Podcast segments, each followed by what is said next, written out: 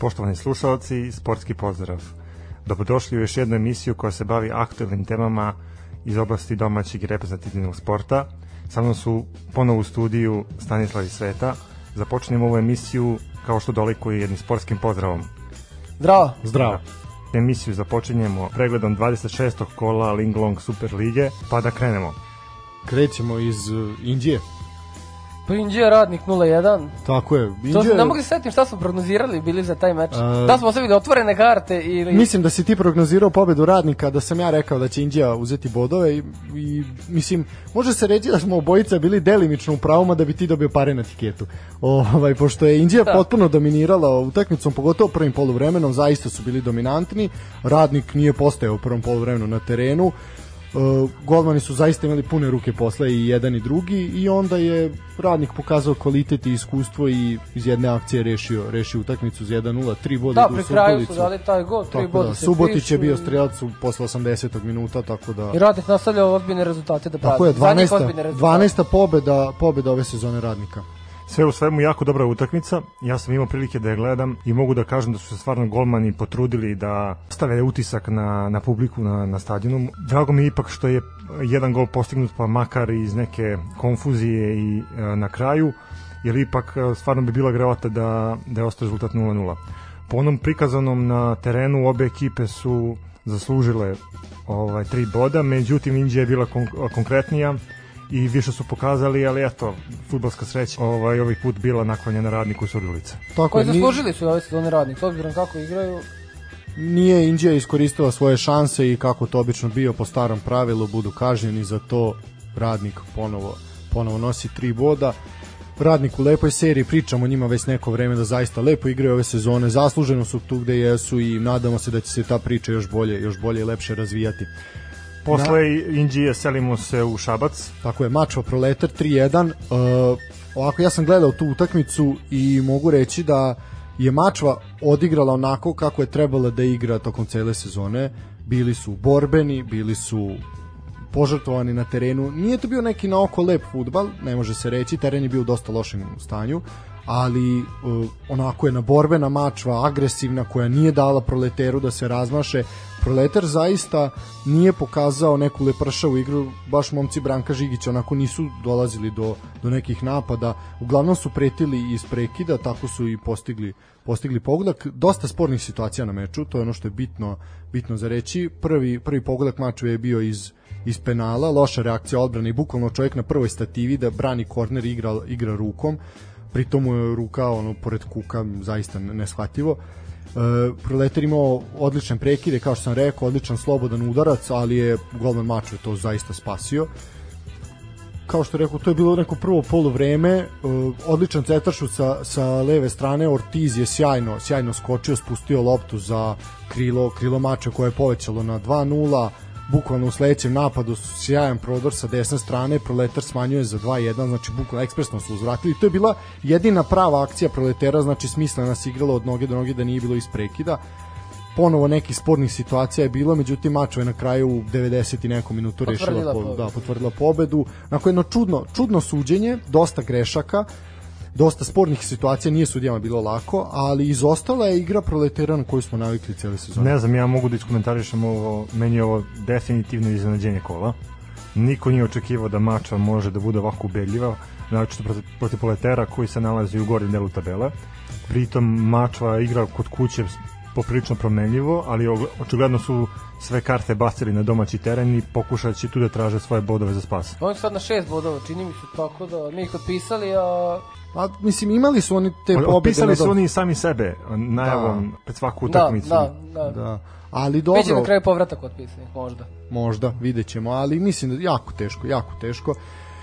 E, idemo dalje, idemo u Gornji Milanovac. E, prvo poluvreme bez velikih iznenađenja, onako može se reći čak i dosadno u areninom multiprenosu ko je gledao, znači najmanje se uključivao gospodin Saša Rakić Bojinović iz Gornjeg Milanovca, mnogo više se pratilo dešanje na ostalim terenima. Uh, reprezentativac Konga, koliko smo spominjali ti ja Stefane pre, pre koju nedelju, Prestiž pravio ogromne probleme voždovcu. Znači bukvalno se igra metalca koncipirala na to ajmo dugu loptu ka prestižu, on je najbrži tamo i on će napraviti neki problem, ne izboriti neku šansu.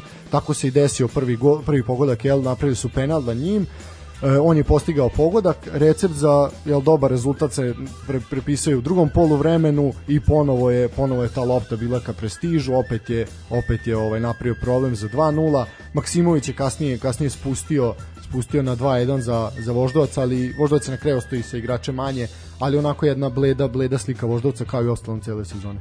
Pa baš tako red je bio da Metalac pobedi s obzirom da su odigrali nerešeno bili. Mislim, igrali sa jakim timovima sa Topolom i izgubili u Čukarečkog, ali eto, nastavljaju sad sa dobrim rezultatima, tako da...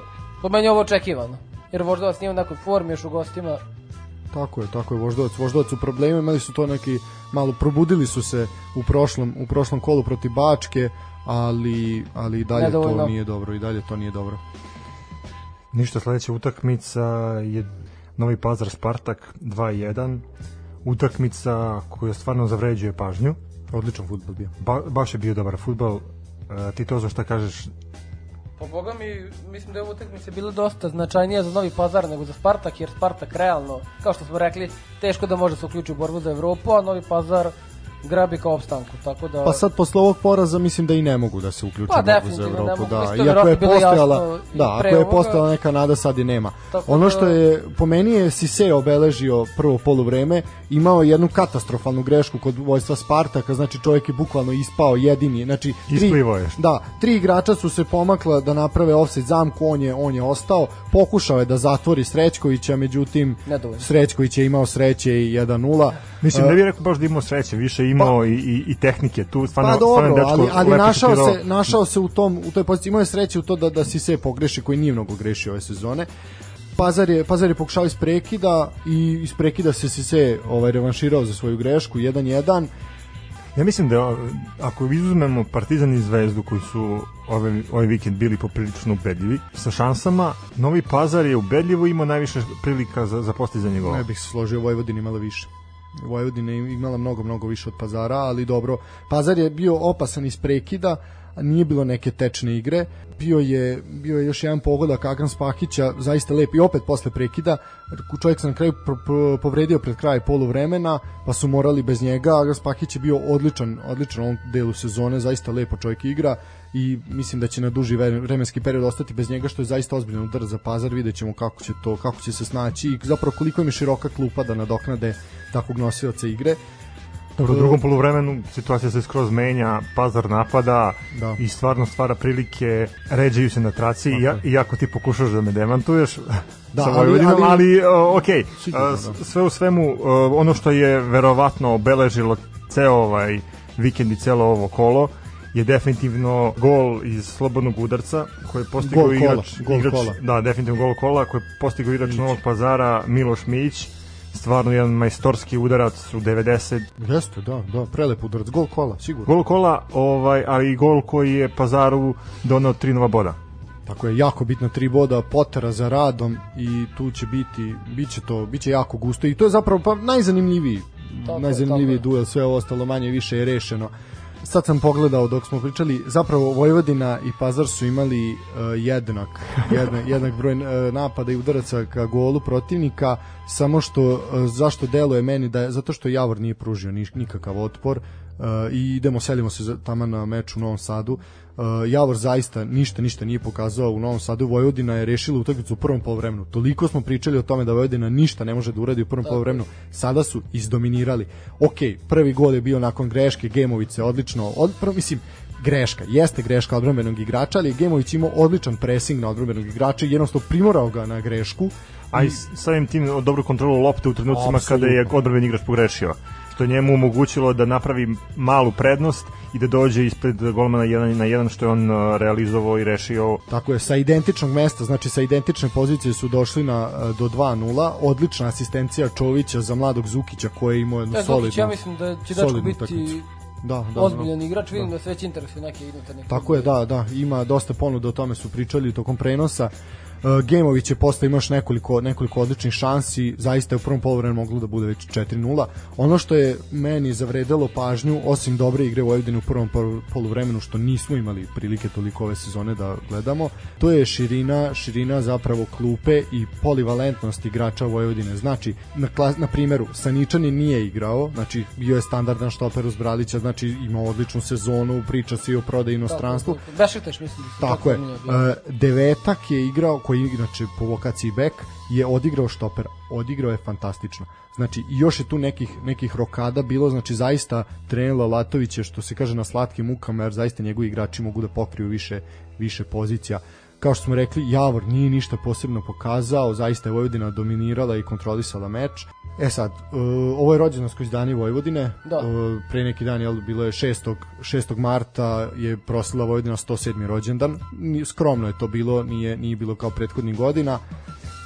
107. rođendan, pobeda u, u taman da rođendana, taman da obeleže, da. Mislim da je to najbolji mogući način da se proslavi Absolutno. jubilej. I ono što se desilo nakon, nakon utakmice, opet imamo izjave trenera Lalatovića i sportskog direktora Vojvodine, Uh, Lalatović je negirao, negirao sukob sa upravom i tako dalje i tako dalje, da je to sve rekao u afektu i da zato nije bio glavom ni u meču protiv Partizana i tako dalje i tako dalje, već to sve u njegovom stilu, ali ono što je zapravo najbitnije, možda što je najveći poklon navijačima Vojvodine pored ove ponude, po, pobede, pardon, da će biti ponuđen novi ponuđen novi ugovor da, treneru da. Lalatoviću. Šta mislite o tome? Pa ja sam pa- čitao tu izjavu Milorada Kosanovića, koji je rekao da će ovih dana napraviti novi ugovor, da će Lalatoviću ponuditi. Koliko sam čuo, to je ugovor na dve godine, s tim da će prve godine biti verovatno podmlađivanje tima, znači da Vojvodina puca na to da pojedine igrače proda u inostranstvo kako bi omogućila budžet za nesmetano funkcionisanje kluba u narednom periodu, a onda bi već to druga godina uticala na to da Vojvodina već napadne nešto. E sad, znajući Lalatovića i njegove ambicije, ja mislim da će on tražiti više, da će vjerojatno tražiti novo pojačanja, jer ipak Vojvodina, kako se sad nalazi na tabeli, ima stvarno dobre prilike da nas predstavlja u kvalifikacijama za Evropu. Da. Pa ja mislim da bi ostanak Lalatovića bio najpametniji potez i za Vojvodinu i za njega. A zapravo sledeći, sledeći stepenik u njegovoj karijeri je odlazak u inostranstvo. Mislim, po meni on je ili možda eventualno povradak u Crvenu zvezdu. Tako je, ali ono ostane bukvalno nedorečeno u bilo kom klubu. Tamo on da. krene da pravi nešto i ode. Krene da pravi nešto i ode. Pa dobro, ajde svoj Vojvodinom je uzeo trofej. Pa dobro, ako pogledamo njegov uh, uticaj u Vojvodini, definitivno on je trenutno najbolji trener Vojvodine po broju, po broju pobeda. pobeda. Tako je. Tako, tako da nije ostao toliko nedorečen, ali da pogledamo ipak šta može da, da se desi u narednom periodu i ja stvarno mislim da Lalatović može da da vodi Vojvodinu, ali opet znajući njega, verovatno će tražiti nova pojačanja i tražit će šansu da svoj tim nadogradi kako bi mogao da napravi neki iskorak u evropskom takmičenju. Tako je. Ovo je bila 70. pobeda trenera Lovatovića na klupi Vojvodine, što zaista je impozantna, impozantna brojka. Idemo dalje. Idemo u Niš. Uh, radnički TSC ovako, ja sam takođe gledao i tu utakmicu i neke moje impresije Pa mogu reći da sam razočaran što se tiče igre, kvalitetom da i igre igram i, i pa igram TSC ali generalno sam sam utakmica nije bila nešto posebno zanimljiva. Mislim da je radnički igrao jače, bolje kako Tako da je, kažem, oni su, više su išli u meso nego igrači TSC. Izašli su motivisanije, nije se to videlo kroz neku lepotu igre, ali kroz duele, startove, nekako je igrači TSC su bili rezervisani, da, da. Kao da ih je ono protiv Zvezde nekako demotivisano. Mislim, radnički ušli u seriju jako loših rezultata i njima je ovo bio imperativ, pogotovo što igra na svom terenu. Tako da su ušli motivisanije u igru i to im je na kraju donelo tri boda. Ono što mene e, poprilično iznenadilo e, jeste radovanje igrača. Ovaj, videli smo Gavrića koji se radi u stilu Cristiano Ronaldo. Tu je naše kritike. Ja se iskreno nadam da to više nikad u životu neću vidjeti, jer iskreno me oči bole posle gledanja tog snimka. pa da, malo je neprik, mislim, neprikladno, ali dobro. Da, ili idemo iz krajnosti idemo u krajnost. Dalje, idemo da. dalje, idemo dalje. Idemo i dalje, idemo iz krajnosti u krajnosti ili ne, ne valja kad ništa, ne valja kad je previše, ajmo neku sredinu naći. Ono što je bitno, mislim nekako highlight ove utakmice, osim zaista lepe akcije, lepe akcije kod prvog pogotka radničkog je povreda Beka Petkovića čovjek se našao na, Na širem Da. spisku, da, tri, selektora Dragana Stojkovića i povredio se u prvoj sledećoj utakmici. To u prvom poluvremenu. Sad ne znam koja je ozbiljnost. Nisam, Ne, nema nisam video podatke uopšte negde posle koja Da, je nije delovalo lepo u svakom slučaju, ali eto, to je obeležilo nekako utakmicu po meni i eto, muku mučimo sa tim bekovima, čeka se Gajić, vidjet ćemo sad šta će tu biti. A pričali smo, baš smo Da, pričali da, da, prošli put o da. tome kao da smo znali da A će se nešto Petković desiti. mislim da nismo pomenuli jer stvarno ne znam kome je on padao na pamet. Ali eto, našao se čovjek, izbaksuzirali su ga. Idemo dalje. E, E sad, pretposlednja utakmica uh, nedeljnog programa Banjica, Rad Partizan. Pa, šta, šta reći, demonstracija sile Partizana, bukvalno, pet komada u mreži. Nisam očekivao toliko belju pobedu Partizana, prvi po krat se bore tu za opstanak, dobro igraju. Da. Mislim, sve sem pobede Partizana bi bili iznenađenje, ali pobedu od 5-0 mislim da nije očekivao ni najvetreniji navijač Partizana. Apsolutno. Ono što bih ja svakako napomenuo, ja sam prvo poluvreme malo podrobnije pa- pratio, drugo i ne toliko, opet ona priča, znači odlična saradnja igrača na, tere, na terenu Holendera sa Sanom, to je bila i jel, akcija kod prvog gola, pa i sa druge strane, znači Lazara Markovića, Natko se odlično ubacivao, znači stvarno, stvarno ta, ta kohezija na terenu, znači kako se ljudi kreću, kako kombinuju, to je zaista lepota, lepota za gledati. Po meni, ovo sad deluje, pa možda nije popularno mišljenje, ali lepše od onoga što je Partizan igrao pod Savom. Poslednjih dve, tri utakmice, da. Efikasnije sigurno. Uh, vidi se ta neka žar i borba i stvarno igrači Partizana igraju za gol više. Ovo ne kažem kao frazu, već činjenica da u jednoj šansi koju je Partizan imao, gde nije uspio da realizuje vidjeli smo Natka koji besno reaguje podržavajući svoje igrače da, da, da, žara, da da. igraju i da se nadmeću. Tako da stvarno ovaj, imamo Partizan ove polusezone koji rešeta sve pred sobom. 15. uzastopna pobeda, sad već golova, prošli put smo brojali, ovaj put ne znam da li Čini se da je. Partizan trenutno prvi da li na svetu i u Evropi po, U Evropi, po, da, po broju, po broju vezanih pobeda, da. Zato pa- što je City izgubio od Uniteda i onda se je, je, prekinuo da. i mislim da je Partizan prvi, a Zvezda druga sa jednom ili dve pobede manje. Mislim da Zvezda ima 12 vezanih. Ne mogu sad Da, da, tačno da. da. se setim, ali uglavnom naši klubovi su među prva dva. Da, i, Ako nekome to nešto znači. Da li si video ko je treći na toj listi? E, Ne, neki Belgijanci su među prvih E, četiri. klub, klub Briž je četvrti, a treći je e, četvrtoligaš iz Nemačke. E, ja, Viktorija, Viktorija Kjelm možda, Da, ko- da, ko- da, tako je. Tako je. Mislim, svaka vam čast za ovaj podatak, ja ovo nisam znao. Da, e, ništa, od, napomenuo si Natha, odličan je bio u igri. Prvi, prvi gol zapravo iz igre posle Da, dugo da, vremena. da, red je bio da je on malo... Suma je nastavio tamo gde je Natko stao kada je Natko izašao, znači Suma je fantastično odigrao zadnjih prodor pola posle, za četvrti gol je stvarno kao na malom futbolu. Znači, među njih trojicom Da, odličan, odličan i dribling. asistencija za peti gol Tako Varka je. šuta. Da.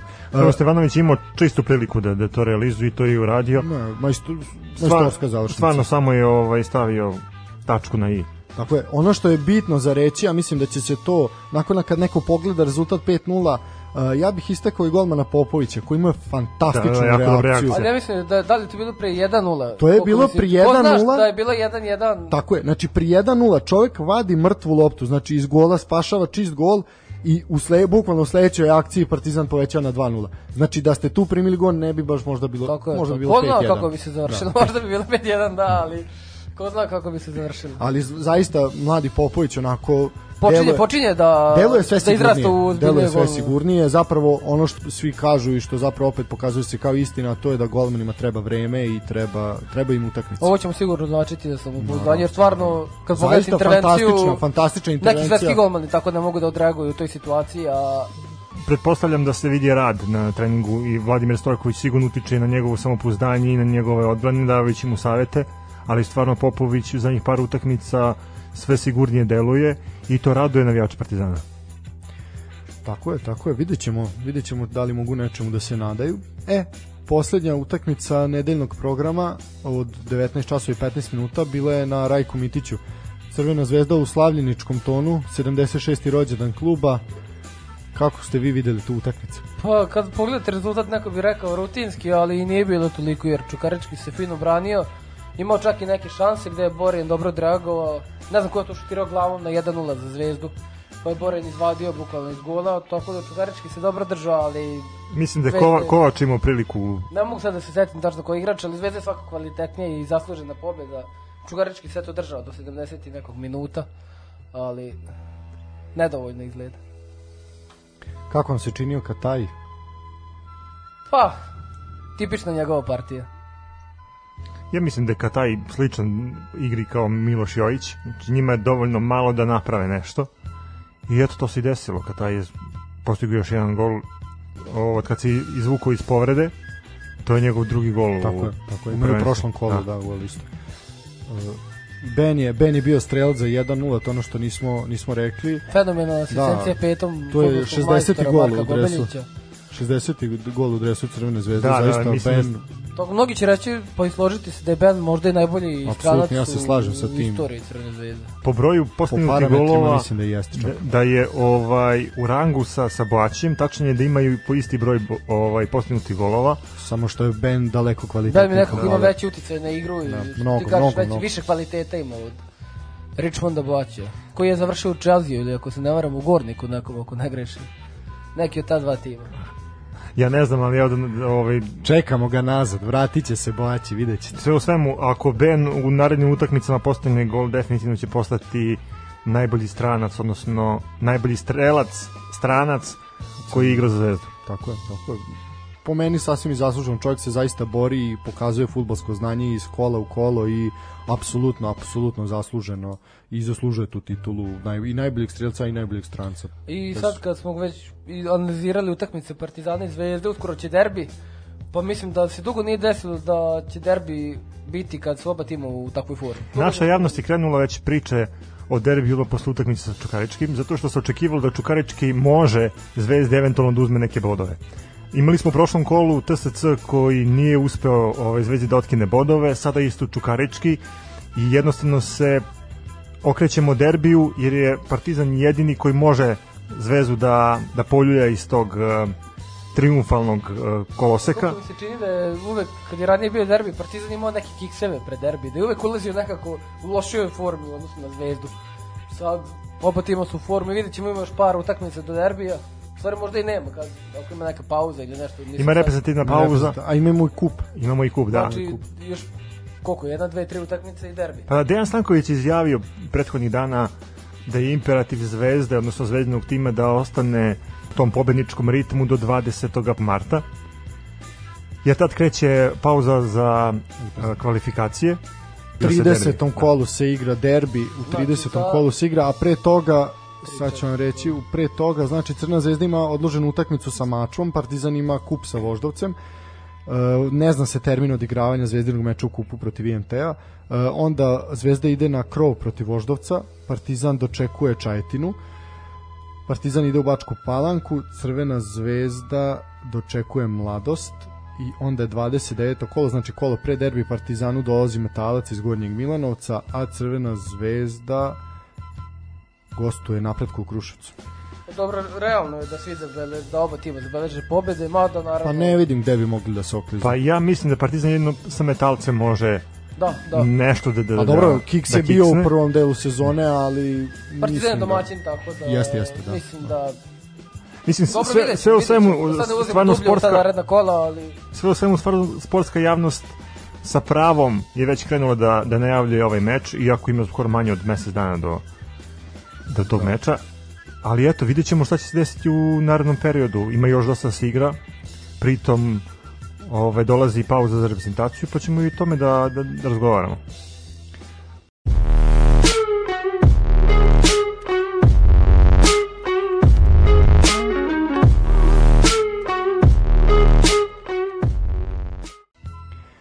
Nakon ovog kola Superlige Srbije očekuje nas nastavak takmičenja u kupu. E, Kao što smo rekli, utakmica Crvene zvezde sa IMT-om je odložena. Ne zna se još termin odigravanja, zato što će u tom terminu umesto kupa Crvena zvezda odigrati za ostalu utakmicu protiv Mačve. Taliparovi su TSC Bačka Topola protiv Radnika i Surdulice, Spartak Subotica Vojvodina, Vojvođanski derbi, Partizan Voždovac. E sad, Pričali smo prošli put u kupu, totalno drugačijem raspoloženju ekipe dočekuju sada ove utakmice.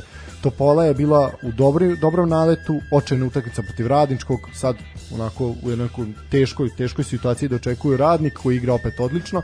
Spartak je i on sad doživeo poraz, Vojvodina se podigla, a u prošlom prošlom puta kad smo pričali Vojvodina je bila tako bila Da, da, ono Spartak da Spartaku. šanse dali Spartaku. Znači sve se okrenulo za nedelju dana i Partizan Voždovac, to je jedino što se nije promenilo, Voždovac je kilav kakav i jeste ostao, a Partizan, Partizan zaista melje, melje pred sobom, jednako ih sad nisam urekao. Da. Da, vidjet ćemo. Uh, šta... Mislim, u suštini, kad pričamo o kupu, uh, kup je skroz drugačije takmičenje koje se igra, pritom imamo 90 minuta i odmah nakon uh, 11 terci. pucaju se penali, tako da je sve otvoreno. Ekipe mogu da igraju defanzivno, mogu da se brane, da igraju popularnu bunkericu i da na kraju traže svoju šansu u penalima. Pa mislim da u, da u sad u ovom delu takmičenja i ove ekipe koje, koje su sad ostale da to neće, neće se desiti. ravnopravni su mi nekako. Da, Ajde, da, sve ravnopravni su parovi i- i Pa dobro, jesu ravnopravni pravo- parovi, ali gledam opet Zvezda igra sa IMT-om. Pa to je jedina utakmica gde može biti neke bunk, bunkerice i to ja je ne IMT, znam, ko čudo da. tu treba da se desi i da IMT izađe neporaženi da odmah. Nema šanse, da. Jedino je samo pitanje sa kakvim sastavom će Zvezda izaći. Sve ostalo, ostalo ovaj, nije Pa ja sporno. ne znam, Ali, jedino ako mislim, Beko Fofana ne poludi i ne da tri komada. Partizanov vojnik, Beko, Fofana, sve je moguće. TSC i Bačka, znači Topola i Radnik, obe ekipe igraju ofanzivno, igraju dobro. Takođe Spartak, Subotica, Vojvodina i jedni i drugi, znači sve krasi napadački futbal, osim kažem Voždovca koji eto se traži. Znači ne vidim tu, nema tu ekipe koja igra klasičnu bunkericu, tako da u suštini, ajmo prognozirati. Svetozare, Topola, Radnik. Topola radnik, pobeda Topole. Spartak, Vojvodina, Pobeda ili prolazak? prolazak, prolazak. Pro, ajde, znači u prolazku ćemo. Znači, Topola, radnik, prolazak Topole, Spartak, Subotica, Vojvodina, prolazak Vojvodine i Partizan Voždovac, prolazak Partizana. Dobro, Stefane. Pa ovako, um, ja mislim da će TSC proći u naredno kolo. Takođe mislim da će se utakmica između Vojvodine i Spartaka završiti penalima, odnosno da ćemo X. otići u penal X. seriju. Ko prolazi posle penal serije? Spartak. Dobro, Partizan Voždovac. Partizan Voždovac, mislim da će biti malo teža utakmica nego inače, ali po meni je to ovaj čist fiks, znači prolazak Partizana. Vidim da će pasti neke opklade nakon... Da, da, ne. ovo ćemo evidentirati, ovo ćemo evidentirati. Znači ovako, št, ajde, dobro, Crnu zvezdu i MT to nećemo komentarisati, pošto Mislim da to stvarno nema šta da ali se pričat ćemo o tome kad, kad budemo znali termin igranja. Ovako, Topola Radnik, ja bih rekao da će tu biti nerešeno i da će nakon penala proći Radnik. Spartak Subotica Vojvodina, mislim da Vojvodina to rešava u svoju korist i Partizan Voždovac bez bez razmišljanja. Znači, oko Jetson. Partizana smo se složili, e sad ova... Pa ove mislim, ali utakmice- tako, tako igraju momci da jednostavno mo, apsolutni su favoriti. Jeste, jeste. Apsolutno. jeste. Mislim da trenutno jedino par Partizan i Crvena zvezda ne bih rekao da je Partizan apsolutni favorit. U svim ostalim, znači svih ostalih 19 klubova u ligi Partizan je Tako apsolutni tako favorit je, po igri. šta, to je... Pa isto bi rekli i za Zvezdu. Pa isto se rekao, naravno, isto bi rekli za zvezdu.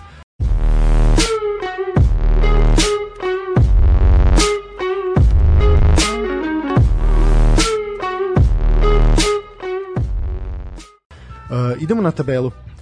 Sve to zare tradicionalno pitanje, hoćemo od dole ili od gore? uvek od dole, uvek od dole. uvek od dole. A, ovo je povodom 8. marta. E, na, na poslednjem mestu je Bačka koja trenutno igra utakmicu sa protiv mladosti iz Lučana, trenutno je 1-1, znači to ništa ne menja na konstelaciji e, Mislim da smo tabele njih zvanično otpisali. otpisali, apsolutno. E, Mačva, e sad tu su se približili jedni drugima. A jesu, ali opet da. moraju da nastaje sa serijom dobrih rezultata. Ali ima 13 utakmica do kraja, 13 kola do kraja, to je mnogo bodova. To je Pa kad pogledaš 13 To je puta 3, 39 bodova u igri. 39 Devet mogući bodova. bodo igri, znači tehnički mač može u Evropu da izađe. Tako je, tako je, tako gledano. A i Bačka da, da ovaj, omogući sebi opstanak. Da, ali, ali, ali zaista potrebno čudo. Mislim, evo sad je, Bačka je trenutno u seriji od pet, od pet poraza, ako ne računamo utakmicu protiv mladosti.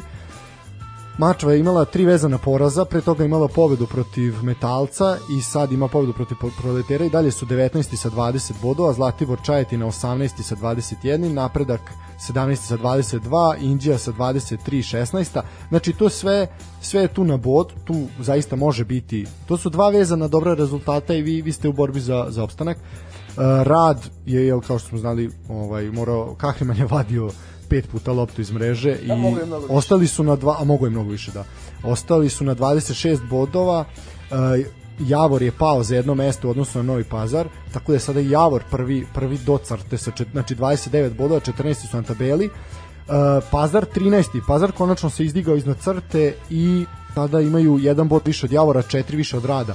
Ako Oni Pazar... pobednici ovog kola, Pazar, A, ajde kažem. apsolutno, da najviše su profitirali ovom pobedom, zaista fantastična pobeda i tu nema šta vredila je pobeda 6 bodova, a ne 3. Tako je, tako je. Zato Dalje- Dalje... Rad, izgubio, rad je izgubio, Indija je izgubila. Tako je, tako je, da. E, Svi direktni konkurenti, pa i Javor. Tako je. Pa i Javor, da. E, 12. je Mladost koja, rekli smo, trenutno igra sa Bačkom, 32 boda, 11. Voždovac sa 33, to je ono što smo pričali, znači Voždovac u ozbiljnom, ozbiljnom problemu ako nastavi sa ovakvim serijama loših rezultata. Mada i Mladost nije ništa bolja razlika, u posljednjih pet kola između Voždovca i Mladosti, Mladost ima jedan bod više. Znači imaju, Mladost je osvojila pet bodova, a Voždovac četiri. Tako da puno, puno pričamo o Voždovcu, a Mladost, Mladost ne spominjamo. Deseto mesto Metalaca 36, radnički niz, de, pazite se, ovo kao francusko prvenstvo pre par godina. Da, da, 36, da, da, da. pa 37 ima radnički iz Niša, Topola 8 sa 38, sedmi Proletar sa 39, pa šesti uh, radnik sa 41. Znači eto, u nekoliko bodova imamo... Čini mi se se video na internetu, da li je neka engleska liga ili koja je, da su prvih 8-9 timova poređani za jedan bod. Baš izvući, baš i posle. Moram da, vrlo mogu, da, zanimljivo. Pa dosta izjednačeno prvenstvo, da.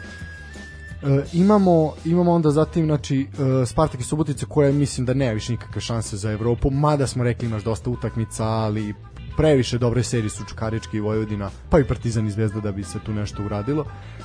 Možda eventualno preko kupa. E, Čukarički, Čukarički je na četvrtom mestu, ponovo su se spustili, bili su samo jedno kolo treći. E, Vojvodina ponovo se vratila na treće mesto sa 53 boda, dva više od Čukaričkog, Partizan na drugom mestu sa 65, Crvena zvezda i dalje utakmica manje, 71 bod, ali sad će to nadoknaditi, ja verujem sigurno tri boda protiv Mačve bez, bez razmišljanja. Da li, opet pitanje, da li može nešto da se desi u borbi za titulu sad nakon ove utakmice sa Čukaričkom? Ja i dalje tvrdim da ne može. Da nema više zvezda Da, nema. se oklizne. Dobro. Po meni, nema. Mislim, ako uzmemo u obzir da Zvezda možda se oklizne u derbiju, kao što smo napomenuli, znači da Partizan i Zvezda ostvaraju pobedu do derbija, Zvezda bi svojim porazom u derbiju smanjila bodovnu razliku odnosno Partizan na 6 bodova. Mislim da to definitivno nije moguće da, da Znači, Partizan Zvezda dostigne, mora obzir... da izgubi još dva puta po Da. Tako je, tako je, tako je. I onda ako bi došli u situaciju da Partizan i Zvezda imaju isti broj bodova, odlučivo bi gol količnik. E sad tu ne znam kako, kako stojimo, ja to bi mislim mogli da pogledamo. Ako se ja nešto ne U varam. pravu si, da. Oba tima imaju po 66 postignutih golova, s tim da Partizan je tri gola više primio, ali Zvezda ima utakmicu manje, što znači Zvezda je u boljoj poziciji. Da. da. Dobro, idemo na sledeće kolo. Znači, ovo kolo još uvijek nije gotovo. Uh, treba da odigra još Zlatibor i Čajetina, uh, Zlatibor Čajetina protiv napretka u Užicu. 0-0 u najavi. Vidjet ćemo.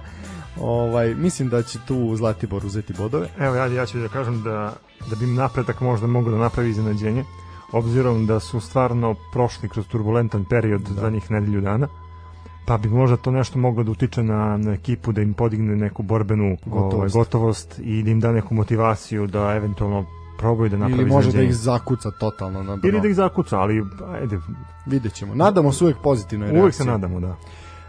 Rekli smo, znači Crvena zvezda će odigrati u četvrtak za ostalu utakmicu protiv Mačve, to je utakmica 22. kola, koja nije odigrana zbog gostovanja Zvezde u Milanu. E, imamo onda 27. kolo na programu, znači 13., 14. i 15. marta. To je uh, da, znači imamo subotu, nedelju i ponedeljak ponovo. E, ovako, kolo, kolo u subotu otvaraju Čukarički i Radnički Niš. Dosta zanimljiv duel, Pa, dosta zanimljiv duel. Čukarički je bolji tim.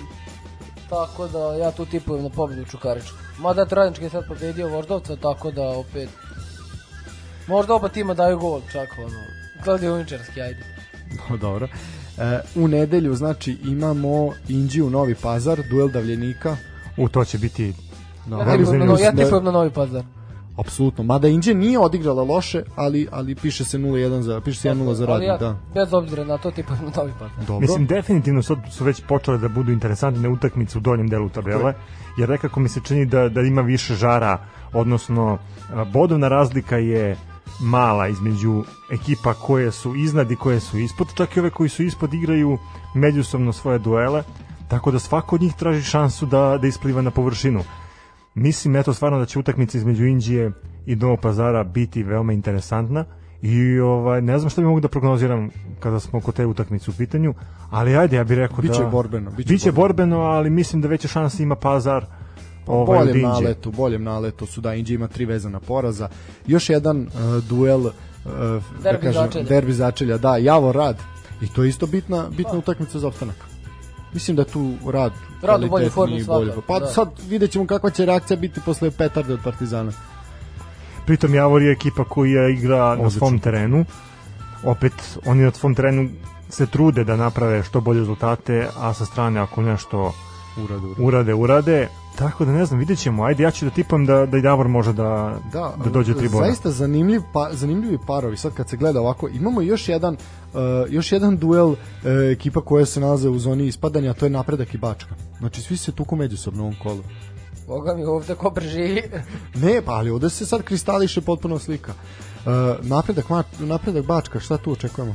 Pa, tu bi ako napredak ne pobedi Da, danas, pitanje je sad kako će odigrati protiv Čajetina. to im je biti ili ne biti. Mislim, ako pobede danas Čajetinu, da im je opet biti. Ali ili ne. svaka utakmica je bitna ili ne Svaka sledeća je biti ili ne biti. Eto, ja mislim da će stvarno tu napredak doći do pobede.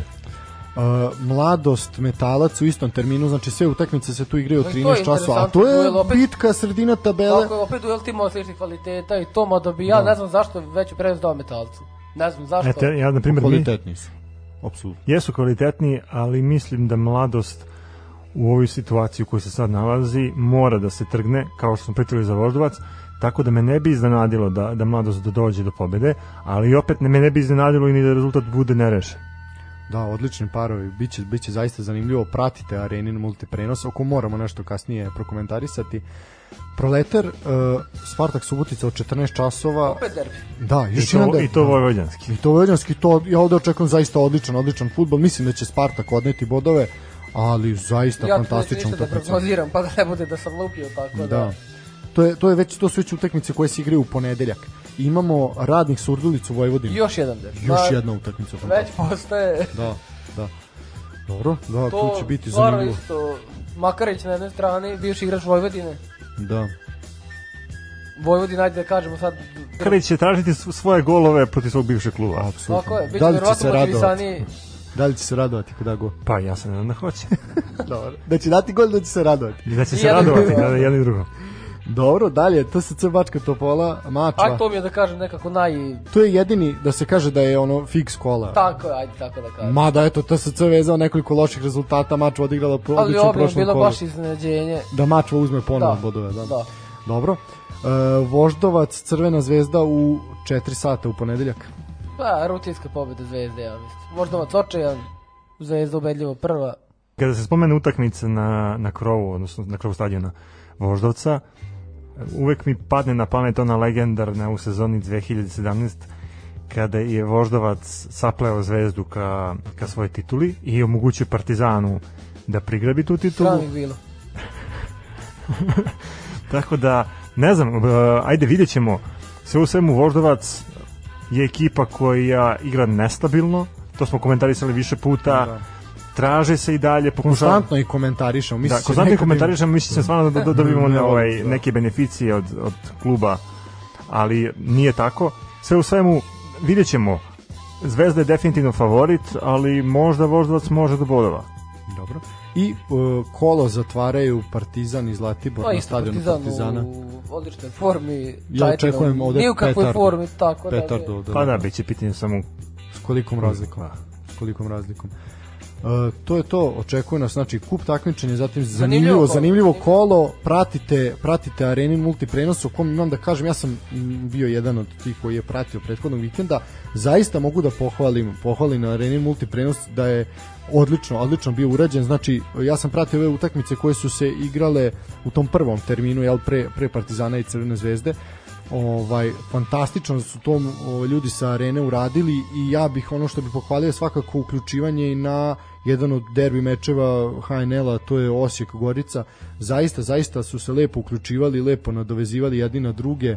Po meni arena je bila bila dobra. E sad e, ne znam da ste vi primetili da li su se čuli navijači ponovo ili je bilo bez navijača. Ja sam čuo navijača Partizana na utakmici Rad Partizan. ali je bilo mnogo tiše nego Da, protiv. bilo je Neš, mnogo da, ne, tiše. drugačije je bilo, nije baš... I, Ali čuo, čuo i, čuo sam, I čuo sam huk, odnosno pesme Zvezdinog severa na, na utakmici Zvezda Čukarički.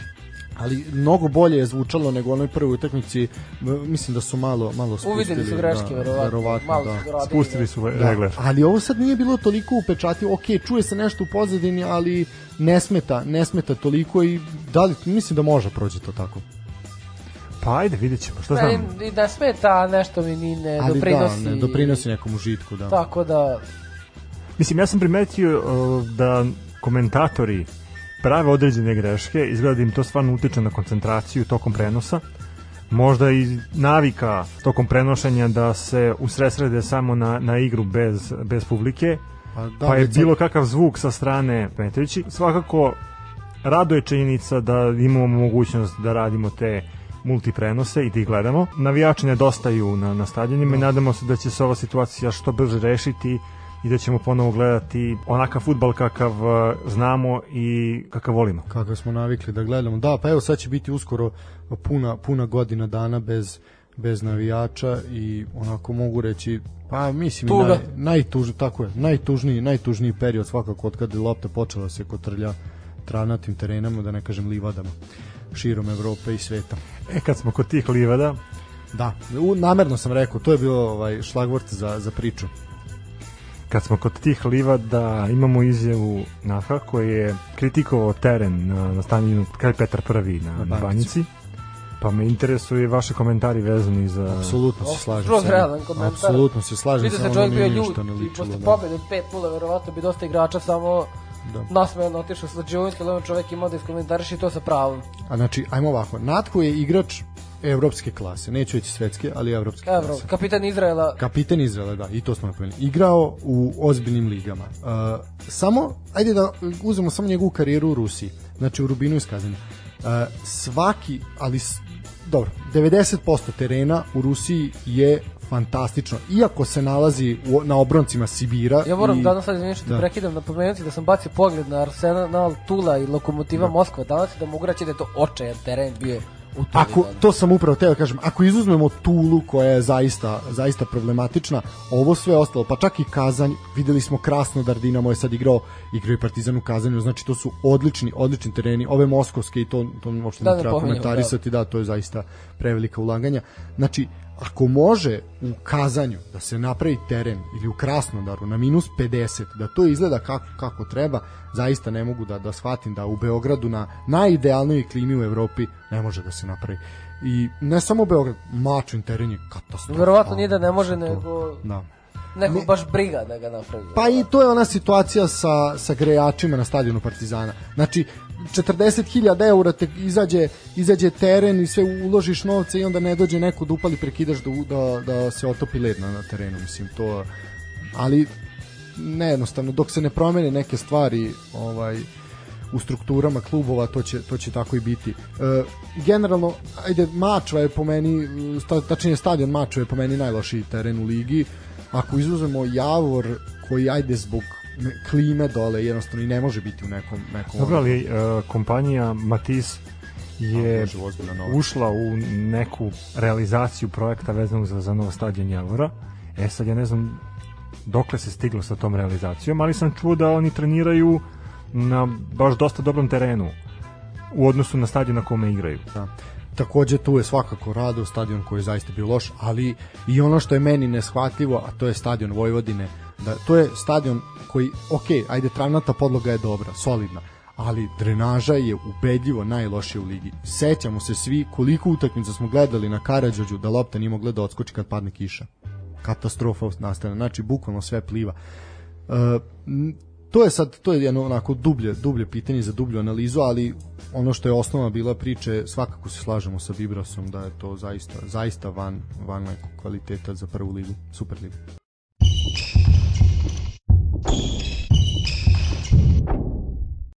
Nakon tranatih terena selimo se na parket, pričamo o utakmici koja je izazvala najviše pažnje domaće sportske javnosti, a to je gostovanje Partizana u Italiji protiv eh, Trenta u okviru grupne faze Euro Kupa. Tako je. Dramatično si to najavio i tako je. Da li je dramatično bilo? Jeste. Utakmica da li je bio dramatična? Nije. Ali dramatičan je poraz, da. Ne, utakmica, je utakmica nije bila dramatična, Da. dramatična je sve što ima veze sa košarkaškim klubom Partizan ove sezone. Apsolutno. A kako se, se, ako se sećate komentara ljudi posle pobede Partizanu u Beogradu na Trentom od 30 razlike, a mi smo bili ti na koji su nas roditelji upozoravali. Mi smo bili, mi smo bili ti koji su Tako je. govorili da će Trento vratiti Partizanu. Citiraću čoveka koji sedi meni sa desne strane. Niste videli Trento, to nije ta ekipa, nije realna slika. I ovo je realna slika Trenta. Što je najcrnije od svega, taj Trento nije ništa posebno, ali je Partizan još očajniji. Partizan znači, ima sreće što igrao sa Trentom, izgubio je samo 15 razlike. Da igrao sa nekim timom malo jačim od Trenta, mislim da bi to bilo... Prvo, znači, Trento zaista je prosječna ekipa, uz dužno poštovanje, ali oni ništa specijalno nisu pokazali. Partizan nije ni prosječna ekipa. Partizan je ekipa koja igra ispod Kad, kad komentarišemo ovu utakmicu, ono što je meni i što je meni izazvalo jako velike frustracije, to je tako mali broj poena obe ekipe na prvom polovremenu. Pa, Partizan je meč završio sa... Samo, samo komentar, molim bih vas. Na drugu i treću četvrtinu, gde je Partizan ubacio u drugoj 9, u trećoj 8 pojena. Ja garantujem da sad nas trojica sa još dva osrednje Sa igrača dva da, debila. da bi ubacili više više poena od ovoga. Po meni sramota, neviđena sramota. Ja bih naterao peške da se vraćaju. Mislim, ti igraš utakmicu, odnosno četvrtinu, igraš 10 minuta i postigneš 7 poena. 8. 8, dobro, ja se izvinjam. Izvinjam, da, veliko. I, si. i devet, Ovih i devet i ovih ili- devet je već druga dimenzija. znači, Apsolutno, već juniorsko takmičenje, ono, Pogledaš ti devet pojena, to mogu biti tri trojke, na primjer, koje ti uđu i više ti ništa ne uđe u sve četvrtine. I to je kao jedan profesionalni tim ili tim Ajme. koji je bio prvak Evrope, koji je bio prva kapa lige, koji je godinama igrao Euroligu, ubaci 17 pojena u dve četvrtine. Da. Nebitno ko je trener, I onda- nebitno ko je igrač. Uopšte, uopšte se ne radi o treneru. E, I onda, u, znači, eto, sam si rekao, 17 poena za dve četvrtine i onda u četvrtoj četvrtini ubaci 18 poena. Znači, katastrofa. Katastrofa. Tu se verovatno Trento malo pustio. Pa jeste, Ne, verovatno im je neko rekao da, da, da utakmica počinje u četvrtoj četvrtini. Da, da, lomi se u četvrtoj četvrtini, pogotovo ako ste dali, znači, samo ću reći, uh, u trećoj četvrtini 25-8. Za- Znači, četvrtu četvrtinu je Partizan dobio. Dobio i prvu, 19-15, a 18-15. Mene zanima jedna stvar, koliko je Partizan iz- imao izgubljenih lopti, ovaj, da li znate? Saznaćemo. Nemam, nemam podatak, ja zapravo imam, izvinjavam se, izgubljene lopte 14. Četrnaest, Ja sam mislio da je čak imao... Ja sam mislio da ima, da ima preko 20.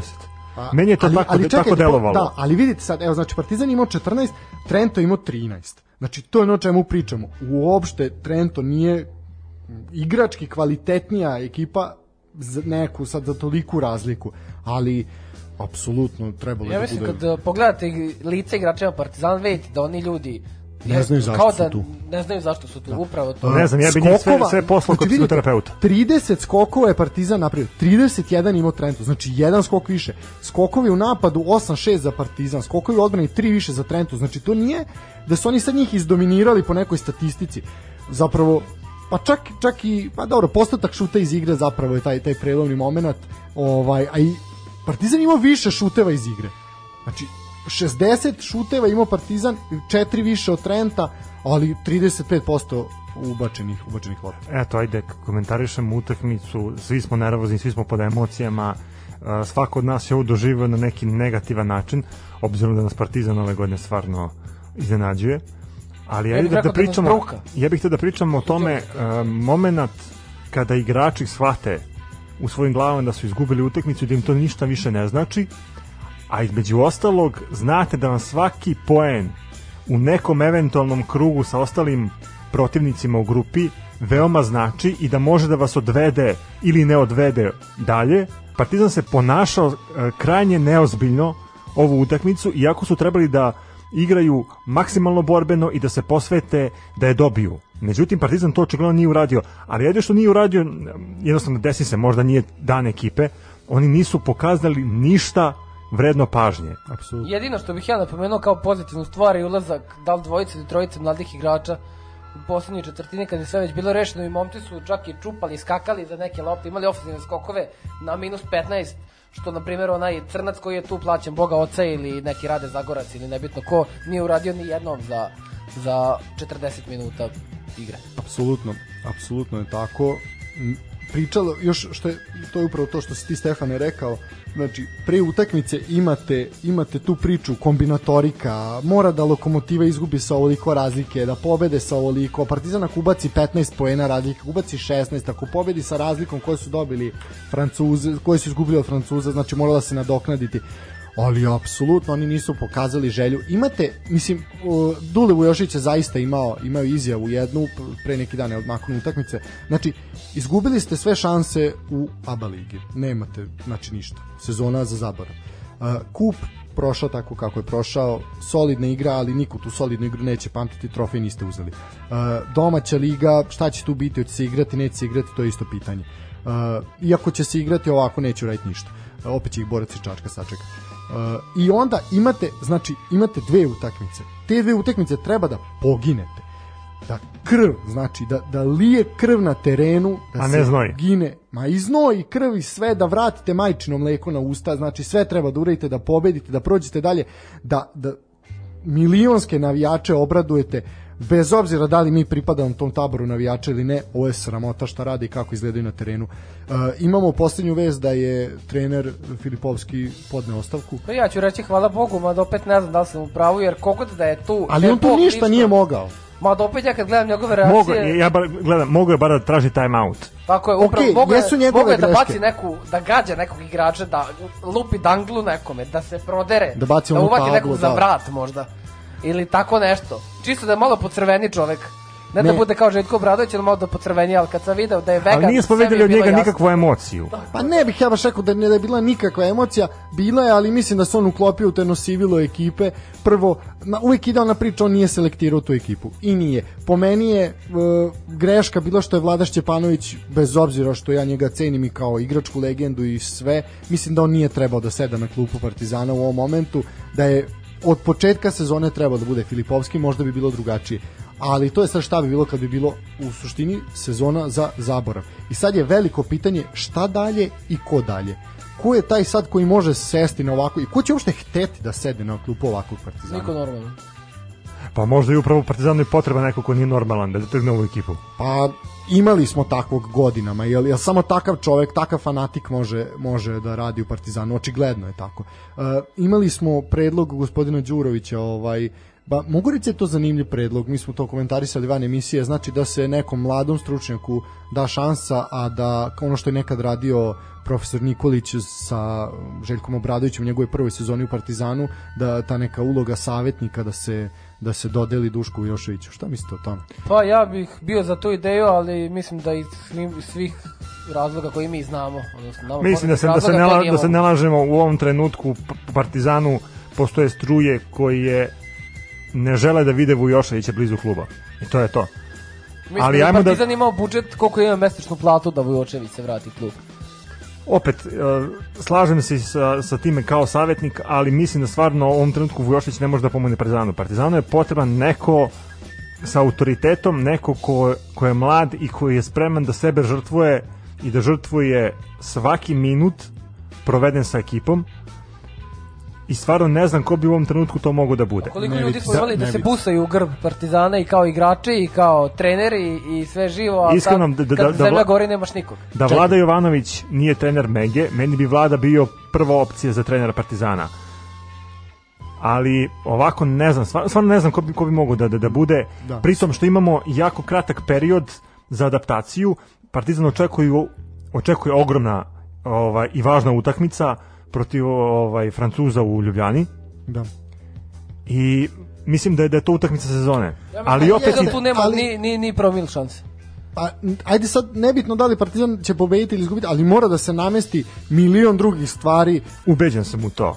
Evo, možda na kraju vas dvojica mene ispravite ili možda me čak i, i vreme ispravi i demantuje zbog ovog mog l- otvorenog optimizma, iako je Partizan toliko zaglibio da stvarno ne može dublje od, od ovog, ali pokazuje da ipak da, da tone sve Ne dublje i dublje. samo. Ja bar mislim da Partizan u ovom trenutku, ako bi pobedio Francuze u, u Ljubljani, da bi Lokomotiva ili ko već odlučio od Partizanovoj sudbini, ovaj, ne znam, nekako namestio da Partizan prođe dalje. Mislim da je to barem pravedno za sve ove ljude koji prate Partizan svih ovih godina, ali opet Ali, ne mora realno. sportska sreća da bude Tako je. Tako da je. bude glavni faktor. Ajmo realno, da li je košarkaški klub Partizan zaslužio prolazak dalje? Ne. Ne. Ni po kojoj E, to je to. osnovi, ni po I kojoj nisu osnovi. zaslužili tu sreću i samim tim ne treba da je dobiju. Znači, vi da biste zaslužili sportsku sreću. Pričali smo protiv utakmice... Ali opet sad, sad aj, aj, aj, izvini što te, te prekidam, samo da se nadovežem. Ni prošle sezone kad je Partizan uh, prekinuo svoj pobednički niz i svoj put ka, ka eventualnoj tituli u Evrokupu, korona je prekinula taj, taj niz i uticala na to da se, da se sezona resetuje. Možda je baš zbog toga potrebno Partizanu da se vrati ta neka sreća iz prošle sezone. Zato ja kažem, delujem optimistično samo za tu jednu utakmicu, jer mislim da je to utakmica sezone za Partizan i mislim da Partizan u toj utakmici mora maksimum iz svog tima da da. E sad, opet ne zavisi sve od Partizana i to smo videli po kalkulacijama koje se provlače kroz, kroz medije šta je Partizanu potrebno, kolika razlika, ko se može da pobedi, ko ne može da pobedi, ali ajde vidjet ćemo šta će biti. Sve u svemu Partizan ne deluje zdravo, Partizan mora da se trgne ako hoće nekako da iščupa ovu sezonu. Partizan je na aparatima i to žestoki. No, apsolutno. Nije sporno, nije sporno da to oni sve moraju do reznami što oni moraju. Pitanje je šta oni mogu. Znači, po meni, ja ne vidim da oni mogu to da reše. Apsolutno. Znači, pogotovo što i Francuzima znači utakmica.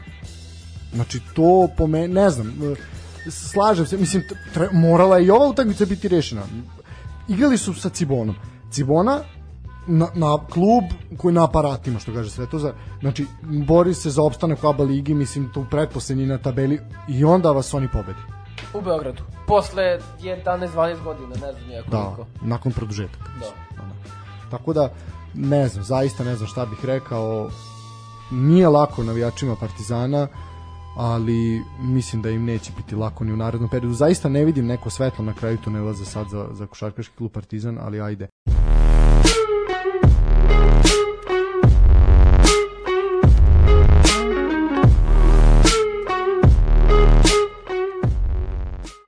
Uh, ajmo na drugi deo malo Kalemegdana na Crvenu zvezdu u Euroligi. To je Komentar. Zvezda što sam ja iskomentarisao da izgleda kao da namerno gube pa dobro bar neki rekord ove sezone jer koliko imaju već osam poraza za redom.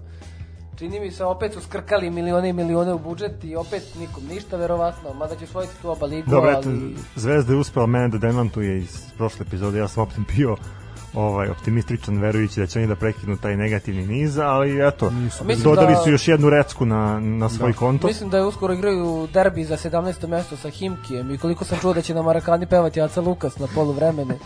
Da, jako gusle. smo, da vidite, ovaj, jako smo izrevoltirani lošim učikom naših klubova, jer zaista su i i u Zvezdi i u Partizanu potrošene og, ogroman novac je potrošen. Ogroman novac i za uslove Crvene zvezde koja ima malo bolje uslove od Partizana i za Partizan koji ima malo slabije uslove. Znači jedni i drugi su potrošili brdo novca, kamione novca i onda se onda napravite ovako nešto. Mislim, da, Zvezda dočekuje u četvrtak Himki, u, u Pioniru će se igrati taj meč. Zvezda jeste jeste favorit, ali šta To im realno to ne znači? pobede, ja ne znam. Čekaj, posle Himke idu u Olimpijakos u Pireju, Ne, tako? sad su Sad su igrali, sad su igrali. izgubili su od Aha. Olimpijakosa, da, to je bila prethodna, prethodna utakmica.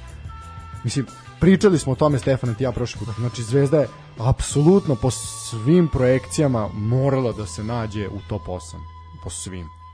E sad, jedina pozitivna stvar kada pričamo o, o domaćoj košarci jeste ženska košarka i današnji žreb ovaj, za evropsko prvenstvo.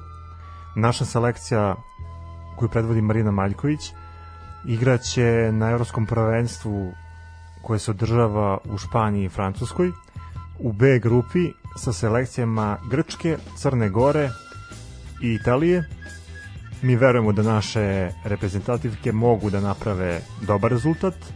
To su pokazali u kvalifikacijama. Marina Maljković je podmladila ekipu.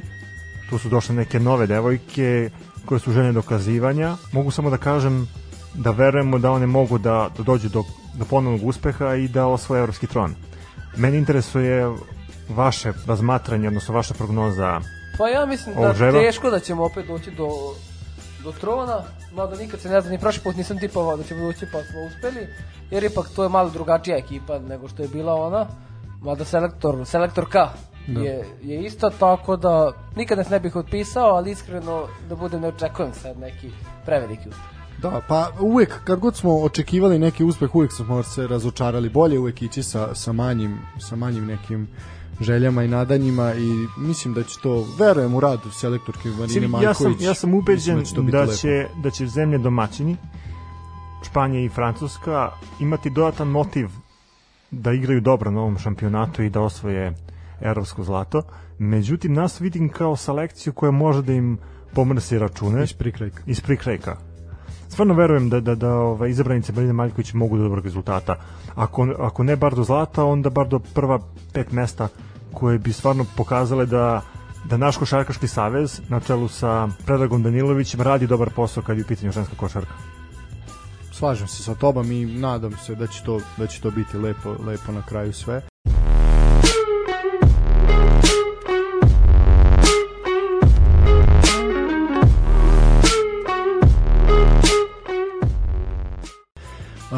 Da idemo na teren malo širi od košarkaškog. Pa mogli bi da, da, mogli da, da, da skočimo da malo. Da. Ostali smo dužni za rezultat drugog kola play-offa. Sve utakmice su bile odigrane osim drugog derbija. Pr prvi derbi je kao što se sećate bio u Nišu Železničar Vojvodina. To je Vojvodina rutinski rešila u drugom poluvremenu, iako je prvo poluvreme bilo gusto. Metaloplastika je u Šapcu dočekala Partizan uh, mogu reći odlična, odlična utakmica. Ja sam spasio svoje živce E, ne gledajući Trento i Partizan, nego se posvetio rukometu i mogu reći da mi uopšte nije žao. Žao mi vas koji ste gledali košarku. uh, da. Ovaj, tako da, odlična, odlična utakmica Metaloplastika pokazala da je ipak iskusniji tim. Partizan je imao šanse, mogli su, mogli su zaista do do pobede i do sva dva boda, međutim ipak je ipak je Metaloplastika iskusnija i bolja ekipa i to su pokazali sve u svemu, ali zaista mislim da, da navijači i igrači Partizana mogu da budu zadovoljni, naravno igrači Metalplastike još zadovoljniji.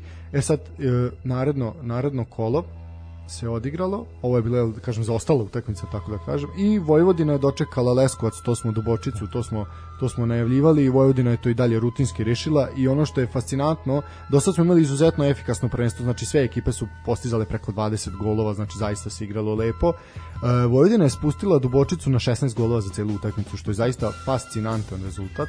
Odlična odbrana Vojvodine, zaista Vojvodina prvi favoriti, istakla su, ako već posle tri kola su se istakli kao prvi favoriti za osvajanje lige. Nadali smo se da metaloplastika, sad čekamo još utakmicu zapravo Vojvodine metaloplastike i nadamo se da tu može da pomrsi neko račune. Železničar smo videli da ne može, vidjet ćemo da li Partizan može nešto da uradi protiv Vojvodine. E, druga utakmica je bila u Kragujevcu radnički železničar. Železničar posle izgubljene utakmice u Vojvodini kao da se predao i izgubio je u Kragujevcu 27-25, zaista neočekivan rezultat. To je meni stvarno iznenađenje kola. Da, da. Uh, dalje, da je utakmica bila poprilično otvorena, obe ekipe su igrale dobar rukomet. Igrao se gol, gol za gol. Čvrsto su bile odbrane, tako da, ne znam, Iznenađenje svakako. Da, Partizan je odigrao čvrstu utakmicu protiv Dinama iz Pančeva, 24-20 je bilo na kraju. Uh, bitna pobedna, bitna pobeda za Partizan nakon poraza od metaloplastike, da bi Partizan mogao sa tog trećeg mesta nečemu, nečemu da se nada. Dobro, ovo je definitivno bio fiks kola. Absolutno. Svi su očekivali pobedu Partizana i Partizan je to samo opravdano na, na parketu. Da. I pa ja bih fiks kola ipak nazvao ruda, Rudar metaloplastika, dvojka na metaloplastiku, da, sedam razlike za, za metaloplastiku, 35-28 metaloplastika i Vojvodina jedini dalje sa maksimalnim učinkom i tu će se rešavati. kao što smo kao što smo i najavili to će to će rešavati pitanje pitanje pobednika. E, sledeće kolo igra se 16. i 17. marta. E, u Leskovcu metaloplastika ide na noge Dubočici. Dinamo dočekuje Rudar iz Kostolca. U Nišu Železničar dočekuje Partizan. Odlična utakmica u najavi. Ja se nadam da će RTS prenositi tu utakmicu ako ne, mislim da za sve ljubitelje rukometa i Arkos Lige na YouTube kanalu Arkos Lige mogu da se gledaju prenosi. Uh, Vojvodina Radnički, to je utakmica koja se igra isto 16. Mislim da tu Vojvodina lagano, lagano rešava, rešava tu utakmicu protiv Radničkog Jednostavno imaju, imaju jako kvalitetni igrače. kvalitetni su. Tako da zanimljivo, zanimljivo na rukometnim parketima i nakon tri kola se tu polako kristališa, to ja mogu da uzmem tu slobodu pa da kažem da je radnički ispao iz trke. Za titulu ostali su Vojvodina Metroplastika kao prvi favoriti i Partizan kao neko ko uh, preti iz prikrajka, tako da pratit ćemo rukomet zaista zanimljivo, zanimljivo i nadamo se da će RTS i Radio Televizija Vojvodine nastaviti da prenose utakmice, ali može se uživo u kvalitetnom rukometu.